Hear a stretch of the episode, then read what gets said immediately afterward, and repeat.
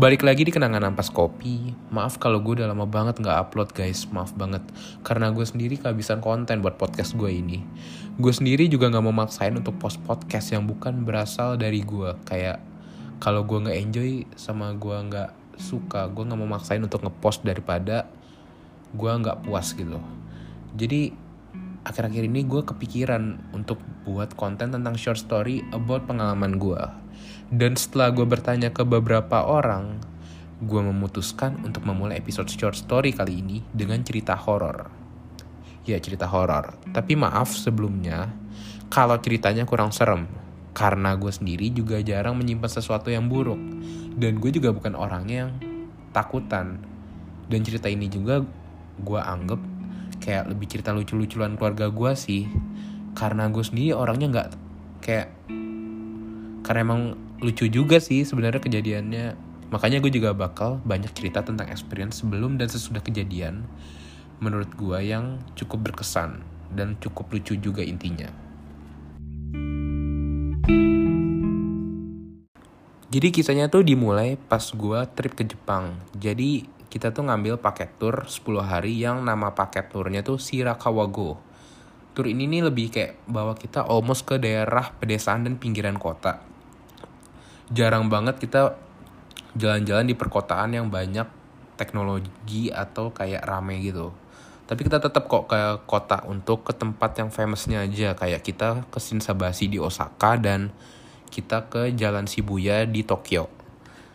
Jadi pas hari pertama tuh karena kita baru nyampe, kita tuh masih di perkotaan. Makanannya tuh masih kayak sabu-sabu kalau kayak kalian pas makan di Kintan.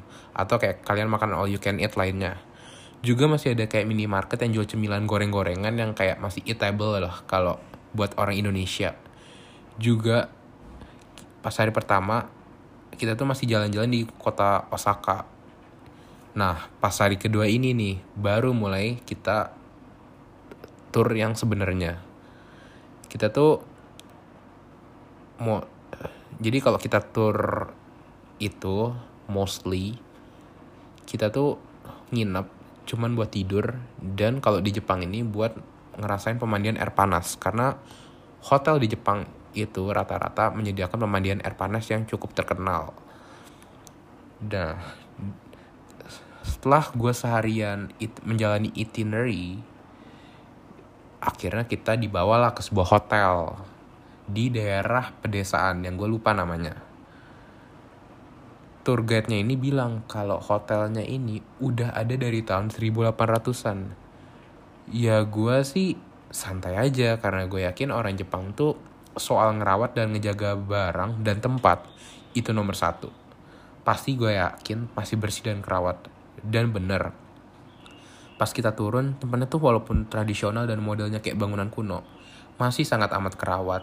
Dan gue rasa kalau di Indonesia ya ada bangunan yang sumuran kayak gitu gak bakal sebersih dan seterawat ini. Pas gue masuk tuh udaranya tuh langsung anget padahal di luar tuh lagi dingin banget. Dinginnya tuh minta ampun gak kayak dingin dingin puncak lebih dingin lagi. Dan kayak kita tuh disambut banget karena jarang orang nginep di situ karena itu daerah pedesaan ya. Dan tapi yang aneh di sini yang beda di sini tuh mostly orang-orang yang kerja di hotel di sini nih udah lanjut usia ya maklum aja karena di daerah pedesaan emang kalau di Jepang tuh rata-rata kalau bukan perkotaan yang tinggal rata-rata yang tinggal tuh rata-rata orang lanjut usia dan mereka tuh cuma hidup sendiri atau sama pasangannya. Jadi banyak banget kayak kasus orang tua yang udah meninggal terus baru berapa hari baru ketahuan.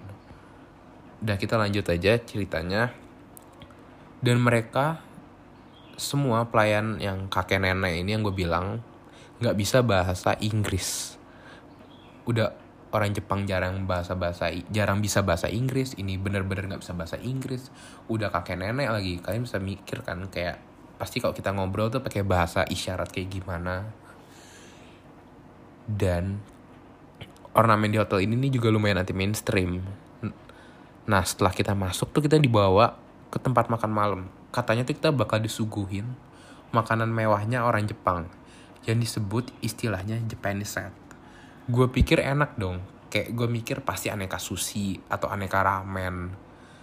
gue tuh doyan dua makanan itu sushi sama ramen dan ternyata itu semua salah makanannya itu berupa kayak set box yang berisi makanan warna-warni mentah dan kayak ikan gitu. Mentah nggak enak banget enak sumpah. Dan yang gue bisa makan itu cuman kayak daging yang kayak kita bakar sendiri kayak ada panggangan kecilnya.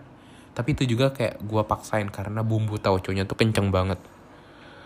Dan nenek-nenek pelayannya itu kayak ngelihat kita makan tuh kayak seneng banget kayak lihat kita tersiksa karena mereka mikir kita tuh ngomong berisik tuh kita tuh menikmati. Padahal tuh kayak kita tuh ngeluh-ngeluh gitu.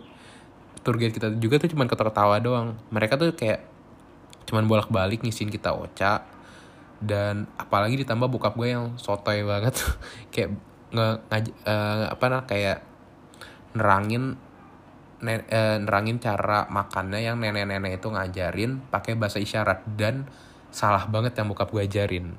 Kocak dah pokoknya dan kita semua yang di sini cuman bisa kalau pelayannya kayak ngomong pakai bahasa Jepang kita cuman bisa bilang oishi enak. Padahal tuh nggak enak. Tapi kayak kita cuman kayak tangan kita jempol kita kayak kita tunjukin ke pelayannya terus kita ngomong oishi oishi terus pelayannya kayak senyum kayak ketawa ketawa gitu. Padahal kita nggak ngerti mau bilang nggak enak gimana masa kita bilang nggak oishi nah setelah penderitaan itu dibagilah kamar. Nah kamarnya itu berbentuk berbentuk tradisi kamar tradisional. Jadi ini hari pertama gue bisa merasakan kamar tradisional Jepang karena sebelumnya yang kemarin-kemarin kayak hari pertama itu gue nginep di hotel yang kayak modern gitu. Jadi ini nih hotelnya nih bener-bener Jepang banget. Kamarnya tuh berupa tatami yang terbuat dari bambu. Dan pas kita masuk, kita bakal ketemu sebuah lemari geser yang kalau kalian lihat di film-film Jepang itu. Dan depannya tuh kayak lantai bambu yang udah disediain tempat tidur lipet kita. Karena orang Jepang tuh nggak biasa pakai spring bed. Dan di ujung tuh ada sebuah meja lesehan buat kita minum teh atau kopi. Untuk gambar-gambar untuk gue bisa ngejelasin hotel ini gue bakal share di thumbnail podcast ini. Jadi kalian bisa ngebayangin kira-kira kayak gimana lah hotelnya. Nanti uh, lanjut gue pas masuk tuh gue kayak biasa aja kayak ya gue gak mikir aneh-aneh lah pasti kamar ini dirawat dan pasti selalu diperbaikin. Buktinya pas gue liat toiletnya tuh kayak udah modern banget kayak yang kalau kalian yang lihat di TV-TV yang kayak toilet Jepang tuh yang kayak tombolnya kayak remote TV nah kayak gitu tuh toiletnya. Ya udah dong kayak kita berberes macem-macem dan orang tua gue berdua turun. Jadi di sini tuh gue nginep gue yang ikut tur ini gue cuma bertiga karena kakak gue itu lagi ada urusan jadi nggak ikut.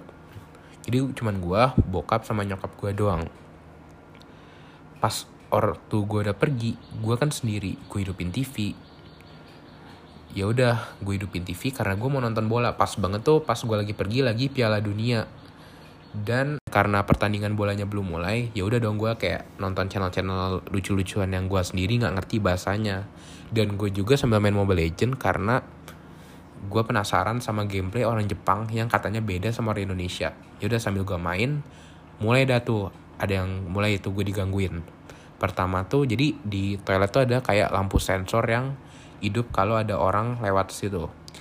Lampunya itu hidup mati hidup mati. Ya gue positif thinking dong. Mungkin karena hotel lama jadi alatnya udah rusak dan jarang apalagi jarang ditempatin. Terus belum selesai itu doang. Di kamar sebelah gue ada suara bayi nangis. Terus temboknya ngetok diketok-ketok temboknya. Gue positif thinking dong. Ya gue kan positif nih. Gue mikirnya wah pasti di sebelah gue ada orang nih. Belum selesai di lemari depan gue ada bunyi geruduk-geruduk. Wah itu gue deg-degan sih. Seberani-beraninya gue gue juga takut juga sih. Itu langsung gue kencengin. Langsung gue kencengin TV sama gue lanjut main Mobile Legend abis itu gue ketiduran besok paginya gue cerita ke bokap nyokap gue mereka malah nganggu gue bercanda. Ya udahlah kita breakfast. Pas breakfast gue nanya ke pelayan yang kakek nenek itu. Tapi mereka sendiri gue baru ingat mereka sendiri nggak ngerti gue nanya pakai bahasa Inggris. Malah mereka nawarin gue nambah ocha dingin. Terus habis itu uh, gue masih gara-gara kejadian itu ditambah makanannya masih model-model kayak yang kemarin malam udah tuh gue nggak nafsu makan. Gue nggak makan tuh makanan. Kayak gue cuma ngambil dikit banget. Abis itu kayak cerita cerita sama anggota tur yang lain ternyata ada juga yang digangguin nggak cuman gue sendiri. Nah di situ tuh gue rada tengah tenangan. Artinya bukan cuman gue artinya cerita gue bener nih bukan gue doang yang digangguin. Terus gue nanya ke tour guide gue gue cuma iseng nanya di kamar saya sebelahnya tuh siapa sih? Ada keluarga gitu ya? Atau orang tur lain ya pelayan gue eh tour guide gue bilang kalau cuman gue di kamar gue sebelahnya tuh kanan kiri gak ada orang. Wah kaget dong gue pas kita udah berangkat udah naik bus baru tuh tour guide gue bilang kalau hotelnya tuh terkenal angker.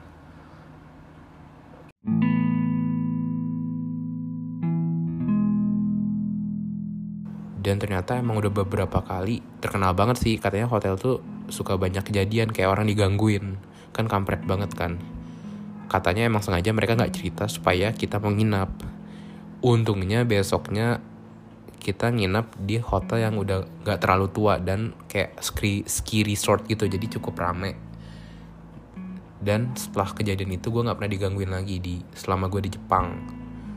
Jadi itu cerita gue gue sampai sekarang anggap cerita itu sebagai kayak bercanda-bercandaan gue sama teman-teman sama keluarga gue sih. Jadi kayak kalau gue cerita tentang cerita horor pasti gue cerita-cerita ini. Dan gue bawanya ke lebih ke kocak aja sih. Jadi di next episode gue bakal cerita experience gue yang lainnya yang gue rasa seru dan kayak pingin gue share. Kalau kalian ada ide cerita kalian boleh kok. Kalian DM ke IG aku. See you in the next podcast. Bye